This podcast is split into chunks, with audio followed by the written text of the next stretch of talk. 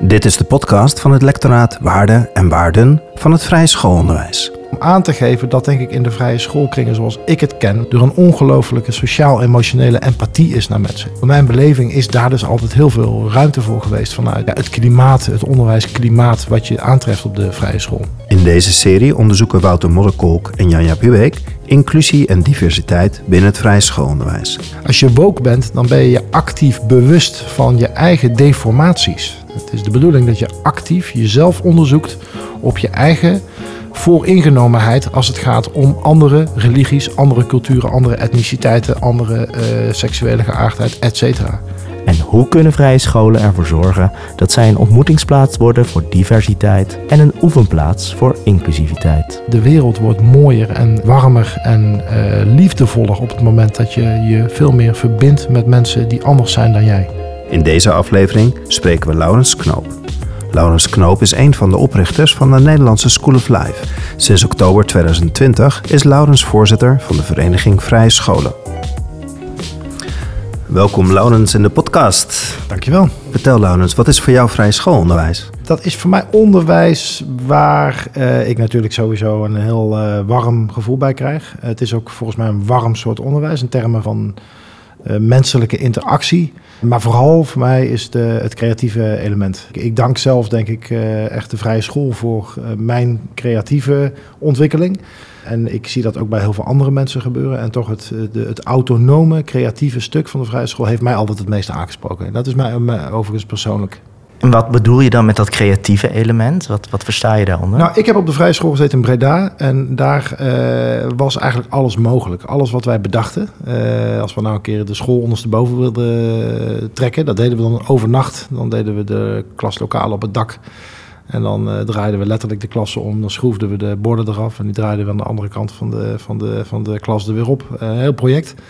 En dan kwamen die leraren, die trokken dan zo'n wenkbrauw op en die uh, zeiden van, nou goed, dan doen we het toch andersom vandaag, prima. En, uh, dus alles wat wij bedachten, dat, dat deden we en dat kon dus ook. En dat werd dus uiteindelijk ook wel geaccepteerd. Dus dat heeft bij ons een enorme...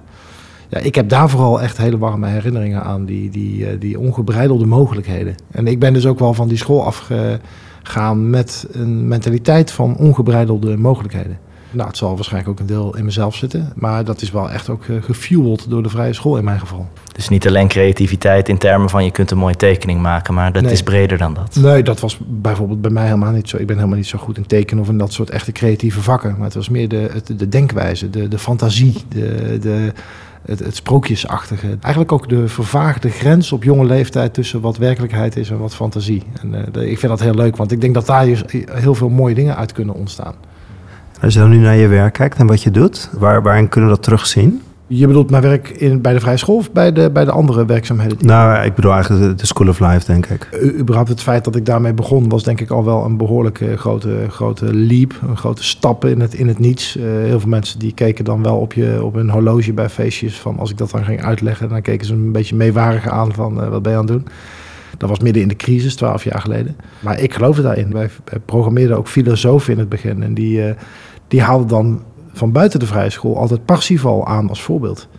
En, en die kwam dan met het, met het uh, bijvoorbeeld Ad Verbrugge was een uh, filosoof waar in het begin heel veel mee heb gewerkt. En uh, die vertelde altijd het prachtige verhaal van dat, van dat veld waar dan Parsifal op een gegeven moment, als hij dan dus eigenlijk bij zijn moeder weggaat, dat hij dan wordt verblind door dat licht hè, van, van de engelen natuurlijk. Hè, want de engelen waren neergedaald en hij werd verblind. Dus zijn moeder had gezegd, als je die, die engelen ziet, dan moet je rechtsomkeerd maken en terug naar mij rennen en naar je zusje.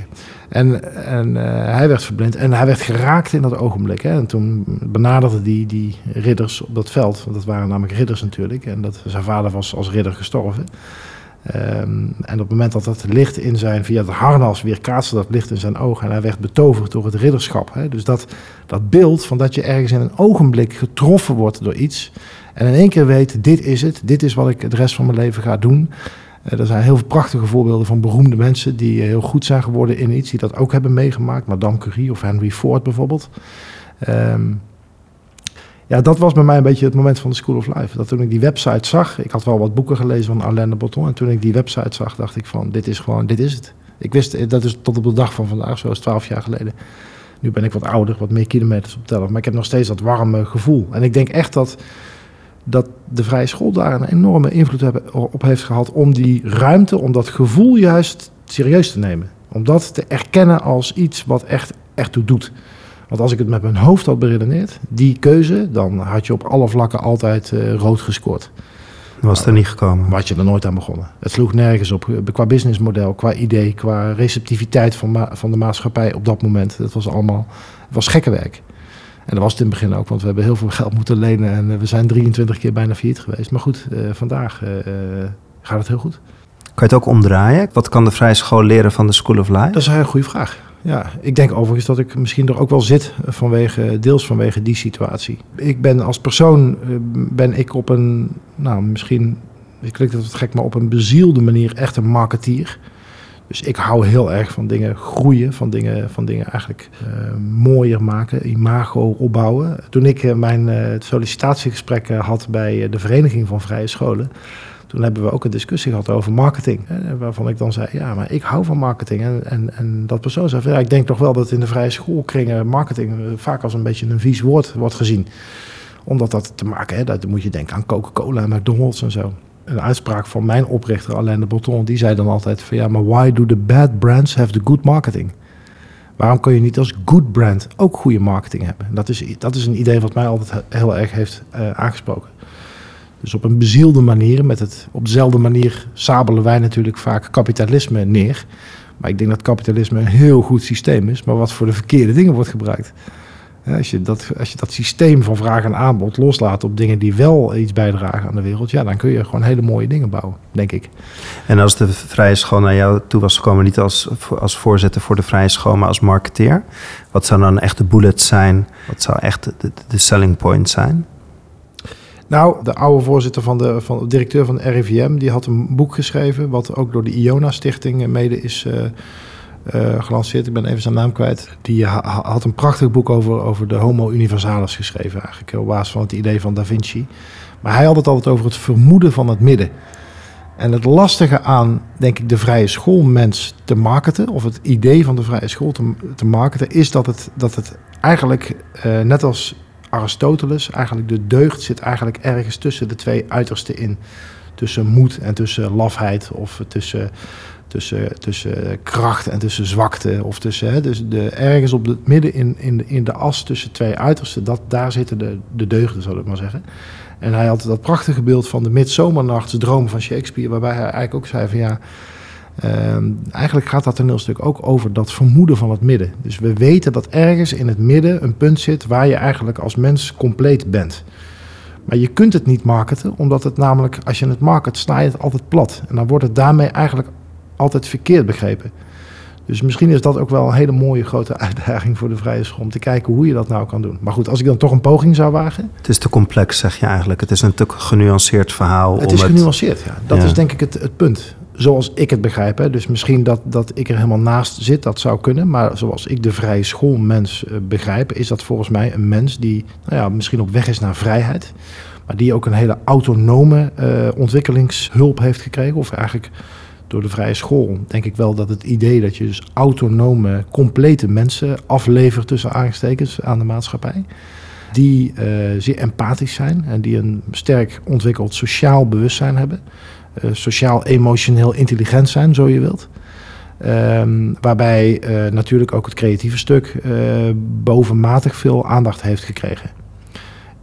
Ik hoop ook, en dat is vaak een misvatting die bijvoorbeeld voor mijn School of Life ook geldt, dat wij worden vaak wel geassocieerd met vage spirituele toestanden.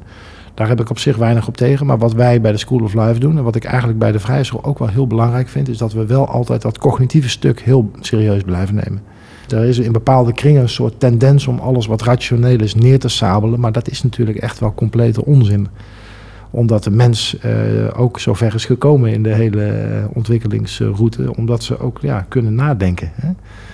Dus ik denk dat het gaat om die balans tussen denken en voelen en willen. Nou ja, dat is natuurlijk een bekend verhaal in de vrije schoolkringen. Overigens, vooral daar. Want als ik daarmee aankom, bij, zelfs bij de School of Life, dan denk, zie je mensen kijken van... oh, oké, nou, klinkt goed, maar wat bedoel je er eigenlijk mee?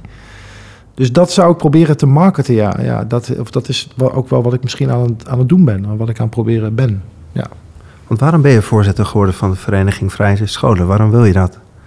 Ik ben echt een, een, een eh, advocate van de vrije school. Ik heb, ik heb altijd, uh, mijn beste vrienden zijn van de vrije school nog steeds. Het, het, is, het, heeft banden voor het leven gecreëerd. Uh, ik heb mijn ene examenjaar in Zeist bij de school van, van mijn collega Gijs van Lennep. Heb ik een van de mooiste jaren in mijn leven gehad. Ik was gewoon heel gelukkig op de vrije school. Ik heb een hele fijne periode daar gehad. Waarin vooral dus dat vrije creatieve ik kan, ben niet super slim, maar ik kan goed genoeg nadenken om al die vakken altijd makkelijk te kunnen halen. Dus ik had nooit problemen met het cognitieve stuk. Dus gewoon gemiddeld goed. Maar ja, daardoor had ik wel veel ruimte om allerlei andere leuke dingen te doen. En dat voor mij was de vrije school gewoon een, een warm bad voor persoonlijke ontwikkeling. Wat zou je als je opdracht omschrijven als voorzitter van de vereniging? Nou, die opdracht dat was eigenlijk, de, dat was eigenlijk meteen aan de orde. Want uh, ik was ook aangenomen als opvolger van uh, Rian van Dam. Die eigenlijk twee uh, periodes van drie jaar echt fantastisch werk heeft gedaan voor de vereniging. Om meer het de lange termijnvisie weer te gaan scherpstellen. Dus we hebben hier ook, we zitten hier aan de keukentafel in Amsterdam Noord. We hebben hier ook een prachtig mooi werkje voor ons liggen. En daar hebben we zeven punten in. Hè. Dat, dat kan snel wat saai worden, dat begrijp ik. Maar we hebben heel hard gewerkt, een jaar lang, om eigenlijk alles terug te koken naar zeven kernpunten die wij eigenlijk in de aankomende zeven jaar willen, uh, aankomende vijf jaar willen uh, ontwikkelen. Ja, dus het boekje Oog op de sterren, voet op de grond. Hè? Precies. Ja. ja oog op de sterren, hè, dat betekent natuurlijk toch ruimte voor, uh, voor lange termijnvisie, maar wel met een concrete hier en nu actie, waarbij we gewoon ja, aan de slag kunnen gaan met hele, hele concrete doelstellingen, die ook gespecificeerd zijn in lekker rationeel, hè, lekker spreadsheet, waar we ook vandaag over gaan spreken. Diversiteit, één van de zeven zeven speerpunten is. Maar er zijn ook nog zes andere, waaronder bijvoorbeeld lerarentekort, onderwijskwaliteit. Niet te vergeten, onderwijskwaliteit. Kun je heel kort toelichten welke, welke lijn uh, in die zeven kernpunten uh, herken jij? Van waar staat de vrije scholen nu voor, voor de komende 200 jaar? Wat hebben deze punten overeenkomstig? Waar, waar, als we naar de sterren kijken, hè, we gaan een beetje uitzoomen boven die zeven punten. Wat hangt daarboven? Hmm, dat is wel een mooie vraag. Ja, weet je wat het is? Hè? Ik had deze ochtend nog een interview met uh, het Brabants uh, Nieuwsblad. Die uh, belde ons omdat ze heel graag wilden weten hoe het zit met de enorme populariteit van vrije scholen in Brabant. Terwijl Brabant niet per se heel veel vrije scholen heeft. Want dat, loopt, dat zit al best wel lang. Zit dat, stabiel. Ja, is dat stabiel, ja. Wat natuurlijk wel de, de groei op zichzelf hebben wij eigenlijk nooit, ook niet in het maken van dit plan, als een grote soort ambitieuze, dat noemen ze dan de Big Harry Audacious Goal. Hè? Dat zijn dan van die managementtermen. Eigenlijk is dat niet te sprake gekomen. De meeste mensen willen niet per se groeien. Ik heb dat eigenlijk nergens bespeurd. Dat mensen zeggen, we moeten verdubbelen. Of we moeten 20, 30 procent leerlingen erbij krijgen. Maar is het hen overkomen?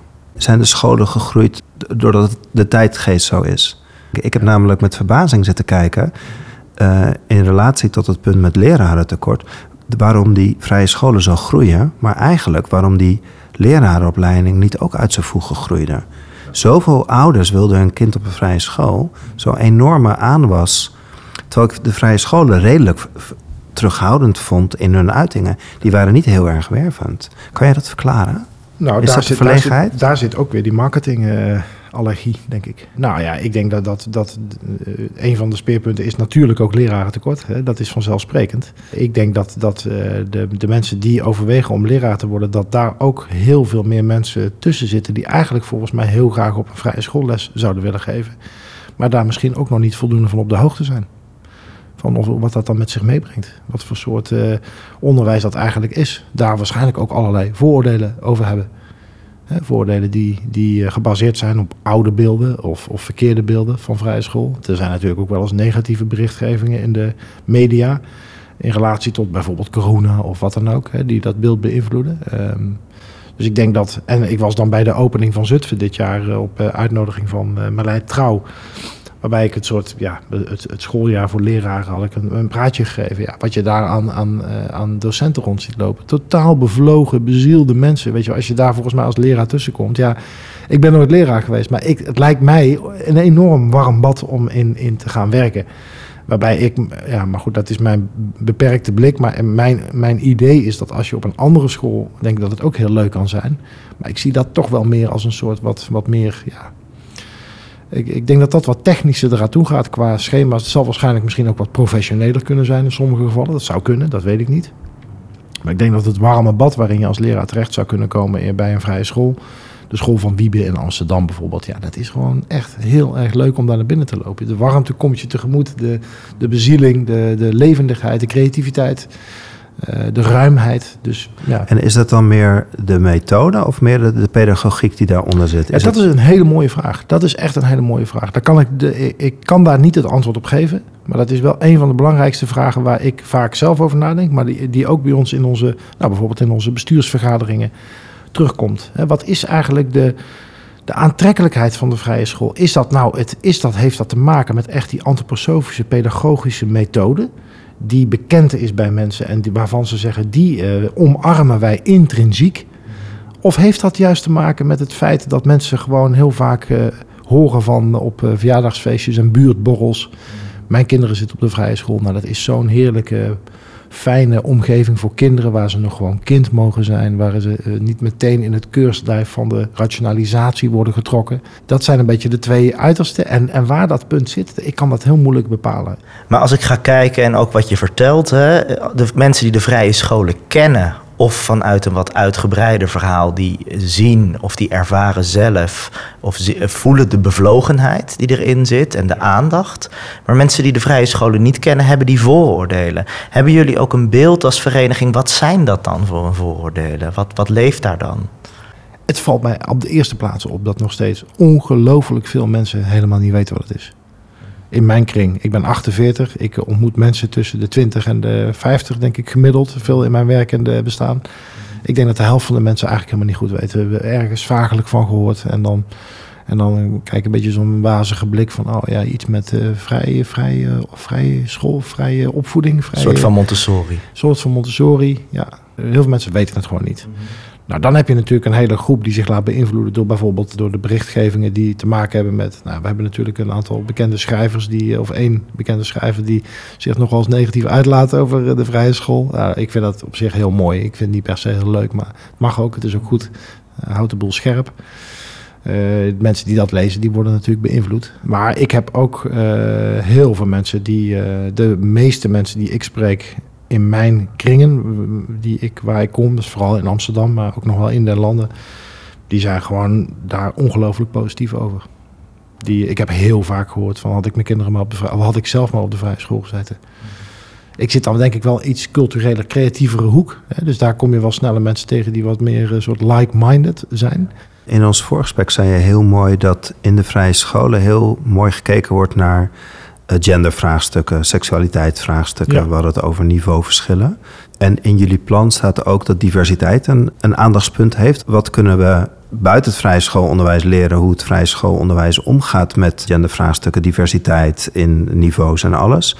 En wat zou de vrije school kunnen leren als het gaat over diversiteit, als het gaat over, over verschillende culturen die in hun scholen kunnen komen? Dus eigenlijk twee vragen van waar zit nou echt die kracht? Hoe ze kijken naar, naar het kind en wat kunnen ze nou doen om diverser te worden daarin, ook in populatie? Nou ja, ik denk dat je op de eerste plaats altijd gewoon goed moet kijken naar wat je dan precies bedoelt met uh, diversiteit. Dus wij zijn natuurlijk, en dat is ook terecht, uh, snel geneigd om te denken in termen van, uh, van, van huidkleur. Welke tint je hebt. Dat is natuurlijk ook een criterium waar je natuurlijk ook volgens mij. wat ook heel hoog op de agenda staat, om ook in die termen te zorgen dat je een wat representatievere beeld vertegenwoordigt. Maar er is natuurlijk ook verschil in opleidingsniveau, er is verschil in IQ en er is natuurlijk ook verschil in uh, seksuele geaardheid. Uh, het is eigenlijk een, volgens mij een heel palet aan verschillende elementen die je identiteit bepalen. En volgens mij wat belangrijk is, en daarin doen we het denk ik op de LHBT uh, IQ plus as met de vrije school heel goed. Het is altijd moeilijk, hè, want je, ik heb geen wetenschappelijke onderzoeksgegevens die het aantonen. Maar ik kan alleen maar spreken over wat mijn beeld is en mijn gevoel erbij dat uh, iemand die gay lesbian is, of die, die uh, non-binair is, of die op, op, op die, in die hoek als het ware identiteitsvraagstukken heeft, die tot een zekere mate beantwoord zijn. Volgens mij is dat op de vrije school heel welkom. Volgens mij voelen die mensen zich, nou, stiekem een uitspraak voor mij. Ik denk dat ze zich misschien wel meer welkom voelen dan op een gemiddelde andere school. We hebben leerlingen hiernaar bevraagd, die, die, die bevestigen dit. Hmm. En die bevestigen ook dat leerkrachten dat voorleven wat doen dan de vrije scholen dat dit zo goed lukt? Wat, wat, wat, zou- wat is de kern daarin? Wat, Nou kijk, misschien dat ik een anekdote kan vertellen van mijn, van mijn eh, iets wat mij, heel, wat mij nog steeds heel erg eh, raakt. Als ik terugdenk aan mijn vrije schoolperiode, dat is inmiddels wel een tijdje geleden. Maar eh, wat wij dus deden, was dat wij dus op een gegeven moment een meisje hadden die werd gepest in de klas. Dat was eigenlijk een populair meisje die eh, op een bepaalde manier eigenlijk een soort in opspraak was geraakt in de klas. Ze was relatief nieuw en daar hebben wij toen met de klas allerlei hele gemene dingen naar gedaan. Echt helemaal niet leuk. Iets waar je je eigenlijk voor schaamt. Wat er dus bij ons gebeurde, is dat wij gewoon dan out of the blue legde de leraar gewoon een hele dag, het hele programma van, de, van die dag gewoon helemaal stil. En gingen we gewoon van 9 uur s ochtends tot 4, 5 uur in de middag daarover praten met de hele klas. En, en zijn doelstelling was heel helder. We gaan dit uitpraten totdat het onderste steen boven is. En daarna gaan we ervoor zorgen dat het gewoon nooit meer gebeurt en dat het goed is. Dus dat was niet iemand die worstelde met identiteitsvraagstukken op het gay-lesbian stuk bijvoorbeeld. Maar dat was iemand die andersoortige identiteitsvragen had, waardoor het, ja, er was miscommunicatie ontstaan. Toevallig heb ik, eh, toen ik met deze baan begon, heb ik opeens daar, ben ik daar aan terug gaan denken. Toen heb ik haar recent nog een appje gestuurd om te vragen hoe is het eigenlijk met je? En kan je dat nog herinneren? En toen zei zij dus, nou wat, wat ongelooflijk dat je me daar nu opeens naar vraagt. Natuurlijk kan ik me dat herinneren. Dat is een van de meest impactvolle momenten geweest uit mijn eh, schoolperiode. Eh, het verdriet voorafgaand eraan en de enorme eh, opluchting en bevrijding en de liefde die ook vrijkwam nadat we dus dat hadden uitgepraat met elkaar. En daarna is het dus ook voor iedereen die daar bij ons in de klas zat, was dat, is dat iemand waar we, ja, ik zou een beetje overdreven gezegd, van zijn gaan houden. Dus dat is misschien wel een voorbeeld om aan te geven dat denk ik in de vrije schoolkringen zoals ik het ken, maar dat, dat tref ik nu ook bij mijn nieuwe collega's ook veelvuldig aan, er een ongelofelijke sociaal-emotionele empathie is naar mensen. En dat is eigenlijk een veel ruimere eh, manier om het aan te vliegen. Als je, bedoel, of je nou wat voor soort seksuele geaardheid je hebt, of wat voor soort huidkleur je hebt, of wat voor soort opleidingsniveau. Heb je ou- ouders die miljonair zijn of die van de bijstand leven? Eh, of welke, en natuurlijk ook religieuze diversiteit, niet te vergeten. Van welke, welke religieuze komaf je bent. Ja, in mijn gevoel en mijn beleving is daar dus altijd heel veel ruimte voor geweest vanuit eh, de, ja, het klimaat, het onderwijsklimaat wat je aantreft op de vrije school. Nou, eigenlijk zeg je iedereen is welkom. Iedereen is welkom. Dat is dat, de, in, in mijn, wat ik heb meegemaakt, overigens ook in Zeist, waar ik een jaar heb gezeten. Ja, je hebt natuurlijk wel mensen die je gewoon minder kan mogen om bepaalde redenen. Dat, eh, maar dat heeft in, ja, in mijn beleving weinig te maken gehad met wat voor soort komaf je had. Eh, dat had dan veel met, met iets karakterologisch te maken. Men was gewoon heel open voor, voor ja, andere karakters, zou ik, zou ik bijna kan jij dan zeggen. verklaren waarom er scholen in Nederland staan in wijken die heel divers zijn, Ja. maar dat dan de vrije school midden in die wijk staat en die is niet divers? Nou ja, goed, ja, ik heb daar natuurlijk wel gedachten over, ja. Dat is dan de vraag of je dat kan staven. Maar ja, kijk, het begint natuurlijk bij... Je moet je heel bewust zijn van... Nou, laten we beginnen bij de herfsttafel. Eh, het is nu herfst. Hoe ziet dat eruit, hè? Is dat, eh, wat voor kleuren poppetjes staat daar dan? Maar dat is dan denk ik dat daar wel bijvoorbeeld eh, de kleur wel even iets, iets, be- iets belangrijker is om daar rekening mee te houden. Wat voor soort verhalen worden het verteld? Zijn het eigenlijk alleen maar witte, eh, oude bijbelse verhalen? Ja, dan heb je op twee assen opeens een probleem. Hè? Je hebt een wit probleem en je hebt een religieus probleem. Als je dus, hè, dus dat, daar, daar zou je ook wel wat ruimhartig in kunnen zijn. Ik weet dat bijvoorbeeld op de scholen die, eh, die zich eigenlijk positioneren als diverse scholen, dat daar gewoon veel meer verhalen worden verteld. Veel bredere. eh, veel breder aanbod van verhalen eigenlijk uit alle culturen, uit alle religies, uit alle windstreken van de wereld. Maar is het alleen dat verhaal of gaat dat nog dieper? Nee, dat is, natuurlijk gaat het dieper. Het begint er natuurlijk bij dat de, de besturen en de leraren van de scholen en, en ook de ouders natuurlijk een, een intrinsieke, ja, dat noem je tegenwoordig woke, hè? Dat, eh, hashtag woke. Als je woke bent, dan ben je actief bewust van je eigen deformaties. En dat is het hele idee, hè, waar, waar natuurlijk, eh, ja, ik ben een witte eh, middelbare leeftijdsman, ik krijg het natuurlijk soms zwaar te verduren omdat het, eh, punt is natuurlijk eh, van ja, het is niet meer voldoende dat je gewoon eh, dat je tolerant bent. Dat is niet meer voldoende in deze tijd. Het is de bedoeling dat je actief jezelf onderzoekt op je eigen vooringenomenheid als het gaat om andere religies, andere culturen, andere etniciteiten, andere seksuele geaardheid, et cetera. Dus dat is de opdracht. Wij, wij moeten harder ons best doen om ons open te stellen op onze eigen de manier waarop we overkomen. Want ik weet ook het voorbeeld van, van mensen die dus uit andere culturen komen, die toch rechtsomkeerd maken na een tijdje, omdat ze gewoon toch niet voldoende zich welkom voelen. En toch snap ik het niet. Je hebt zo'n mooi voorbeeld van een, van een kind wat zich niet welkom voelt op school. En ik vind het heel mooi dat zo'n leerkracht daar gewoon eindeloze tijd voor neemt. Of wat is dan misschien de sleutel dat, dat we dit ook gaan doen? Dat we hier ook de tijd voor gaan nemen? Nou, waar hebben we ons verslapen misschien weer als we gewoon weer de termen van woke blijven? Want ik denk dat daar wel iets, iets in zit.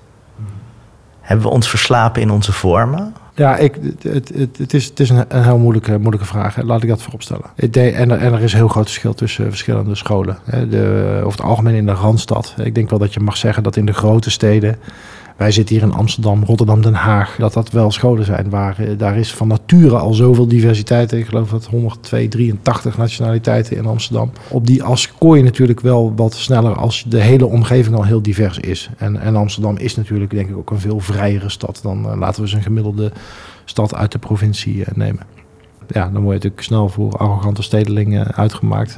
Dan moet ik, die, die, neem ik dan maar even, zal ik zeggen.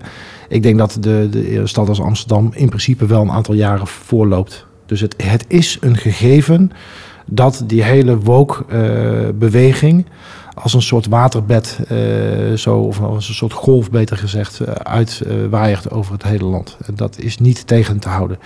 En dat lijkt me ook heel gezond dat je dat niet tegen wil houden omdat de maatschappij in een hoog tempo verandert. Het wordt een veel kleurrijkere maatschappij. Dus het zou ook, als wij dan mensen willen voortbrengen met de vrije school, die eigenlijk als geheel mensen in de klaar zijn voor de maatschappij, ja, dan, dan is het misschien wel verstandig dat ze ook zich ten diepste bewust zijn van de diversiteit van de maatschappij om zich heen. In hoeverre is het, is het geloof een, een hindernis? Het geloof. De, de christelijke verhalen, het, het religieuze, het spirituele. In hoeverre is dat hinderlijk om, om woke te worden? Nou ja, maar ik, eh, ik ben zelf zeer uh, nauw verbonden met mensen die, van, die Joods zijn. Die kinderen toch op de vrije school hebben zitten. Die daar ook wel eens, uh, nou ja, die daar ook wel eens uh, wel een wenkbrauwen bij fronsen. Van oké, ja, het gaat dus wel alleen maar over de, de, de christelijke godsdienst. Godsdienst, daar is natuurlijk de vrije school nog steeds wel mee doordrenkt, denk ik.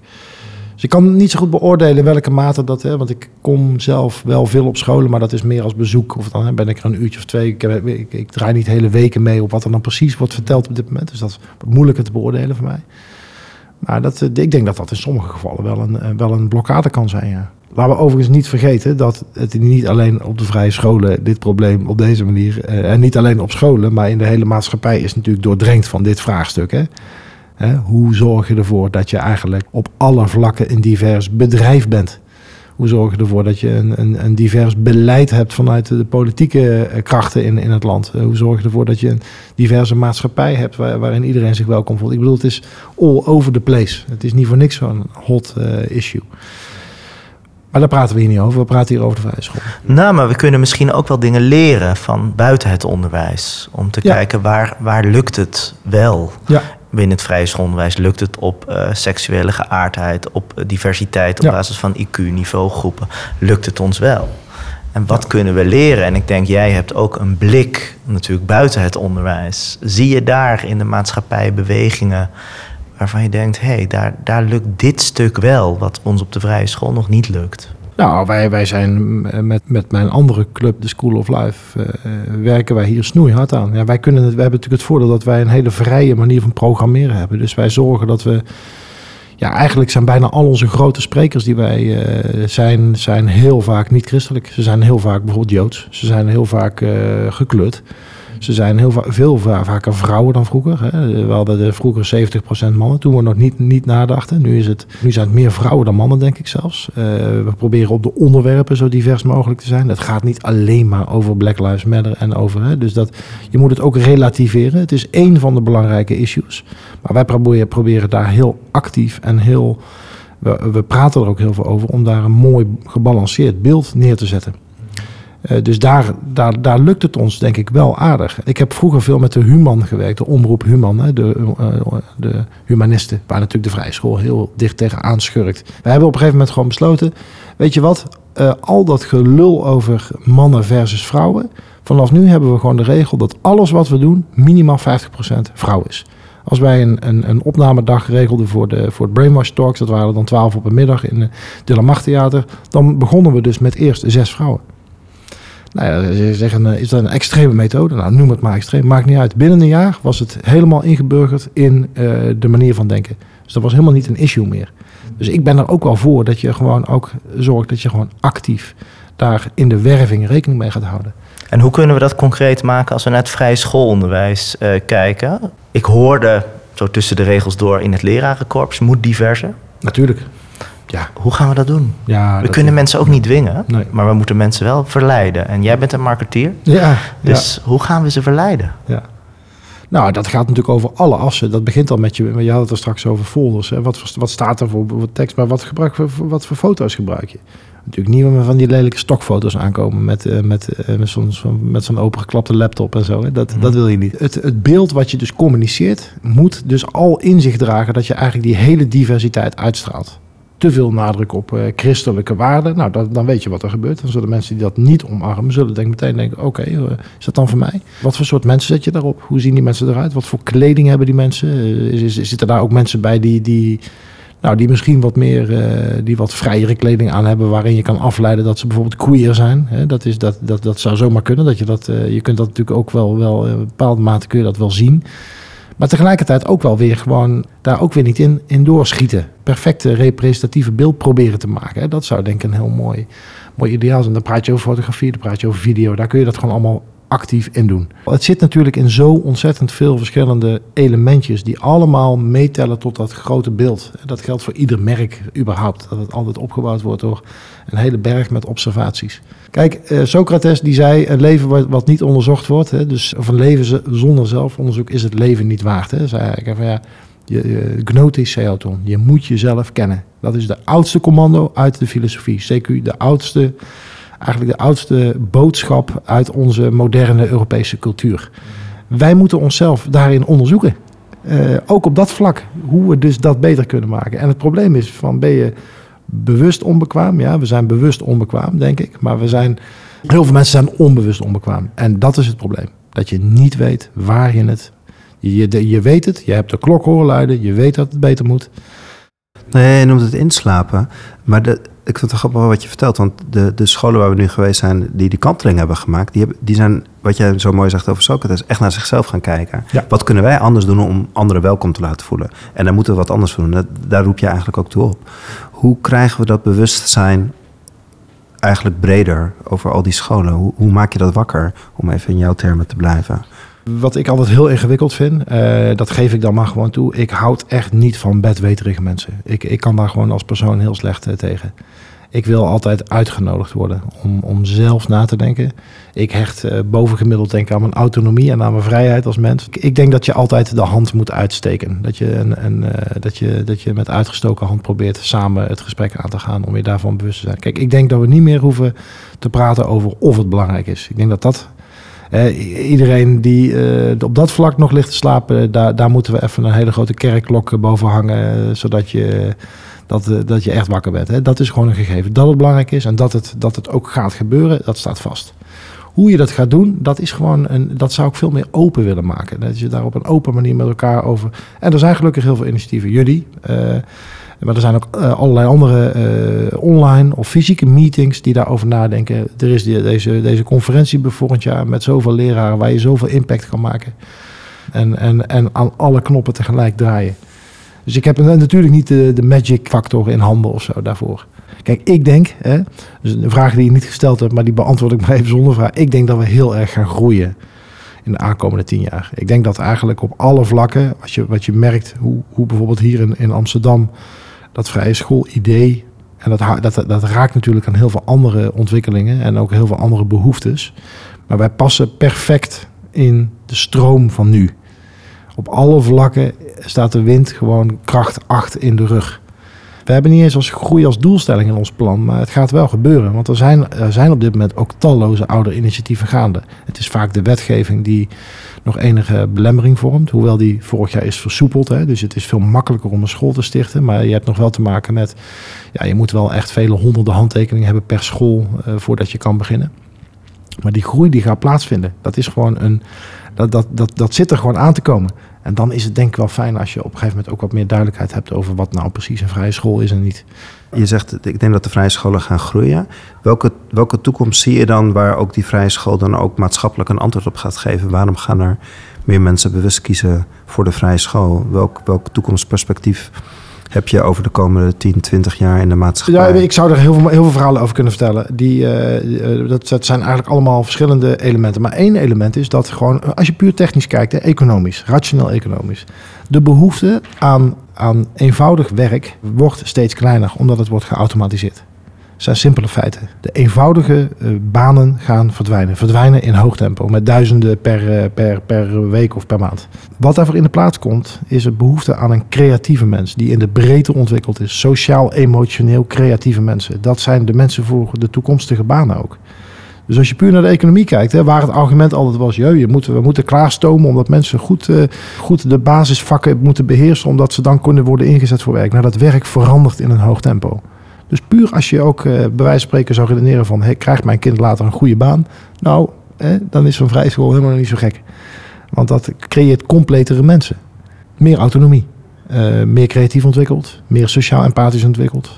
Dus dat lijkt mij, dat lijkt mij een, een hele uh, goede reden op het andere vlak, ik denk dat, uh, maar dat is wat moeilijker, omdat er natuurlijk een enorme polarisatie is in de wereld op dit moment. Het bewuste, de bewuste mens. Dus de veel meer sociaal, maar ook klimatologisch bewuste mens. Mensen die respect hebben voor de natuur. Bij ons in de vrije schoolomgeving was er een groot respect voor de natuur. Dat komt ook omdat je natuurlijk die natuur ook benadert. Hè. Je gaat ermee aan de slag, je gaat je daarmee verbinden. Dat is, dat is ook gewoon waar het nou ja, eh, ik wil er niet al te grote woorden aan eh, wijden, maar dat is misschien ook wel waar het hele leven om draait, toch? De hele vorming van de mens, dat je dus verbonden bent of blijft met de natuur, waar je ook vandaan komt. Ik werk met de Libreien ook regelmatig. Wij gaan dan wel eens fietsen in wijngebieden. En dan had ik van Therese Boer, de, sommelier van de Libreien, had ik wat tips gekregen. in de Elzas, dan gingen we naar wijnhuizen, ja, daar moet je naartoe. En die is echt niet van de per se biologisch dynamische wijnen. Maar wij kwamen daar en daar bleek dus dat alle jonge, bijna alle jonge wijnboeren die de bedrijven van de vader hadden overgenomen, dat die dus nu overgeschakeld waren op biologisch dynamische landbouw. Waarom? Ja, niet omdat het vanwege. Niet, de, wisten, hadden nog nooit gehoord van antroposofie. Maar de druiven werden veel groter en veel smakelijker. En de wijnen werden gewoon veel beter. Dus in die dure gebieden, zoals de Bourgogne, in de Bordeaux en in de Elzas, is biologisch dynamische landbouw gigantisch een opkomst. Dat leerden wij op school al. Dat je dus op die manier. Uh, ik had er trouwens een enorme hekel aan, die verschrikkelijke radijsjes op die eeuwige geitenkaas met zuurdees en boterhammen. Maar nu is het heel hip. Nu is het heel hip. Ja, het is helaas nog een beetje te duur, maar ik, nou ja. Als het divers is, wat, wat, wat gaat dat nog meer brengen aan het vrije schoolhuis? Nou, dat is iets wat we ook hebben, eh, expliciet hebben opgenomen in dat stuk. Dat de wereld er echt mooier van wordt en beter van wordt. Dat is een van de, een van de claims die we ook in dit kleine stukje diversiteitscode maken. Van uh, het, uh, de wereld wordt mooier en warmer, liefdevoller op het moment dat je je veel meer verbindt met mensen die anders zijn dan jij alles wat te maken heeft met uh, xenofobie of te maken heeft met, met haat jegens uh, mensen uit uh, andere seksuele geaardheid of andere religies. Het, is, het leidt alleen maar tot ellende. Dus wij hebben de mogelijkheid, dat is natuurlijk het mooie van onderwijs, dat je jonge mensen kan vormen. we zouden toch wel gek zijn als we die, die kans zouden grijpen om daar ook op dat vlak completere mensen van te maken. En daar, daar, daar horen we ons gewoon met z'n allen heel zwaar voor in te zetten. Ik denk dus als je dus het kwadrantenstelseltje waar we het net al even over hadden, van bewust onbekwaam of, of onbewust onbekwaam, het is natuurlijk nooit genoeg. Hè, want er blijven altijd uitwassen, er blijven altijd situaties ontstaan waarin, waarin je weer teleurgesteld wordt. Maar als het gaat om het bewustzijn, denk ik dat we een enorme stap hebben gemaakt.